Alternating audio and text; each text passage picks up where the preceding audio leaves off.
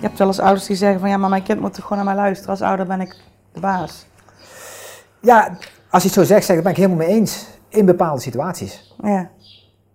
En als, als ik bij, eh, we doen veel sporten en, en we staan bij, eh, pak het wintersport, en we staan eh, bij een overtocht waar eh lawinegevaar is, Mhm. dan moet hij echt even naar mij luisteren. Mhm. Ga ik niet geen lange discussies aan. Op het moment dat we op een terrasje zitten en het gaat over telefoongebruik en hij is 16, 17, ja, moet ik dan nog eh, helemaal. eh, nee, dan denk ik niet. En, en, en dat geldt ook eh, als de kinderen kleiner zijn, dan zou hier een, een peuter rondlopen van 3, 4.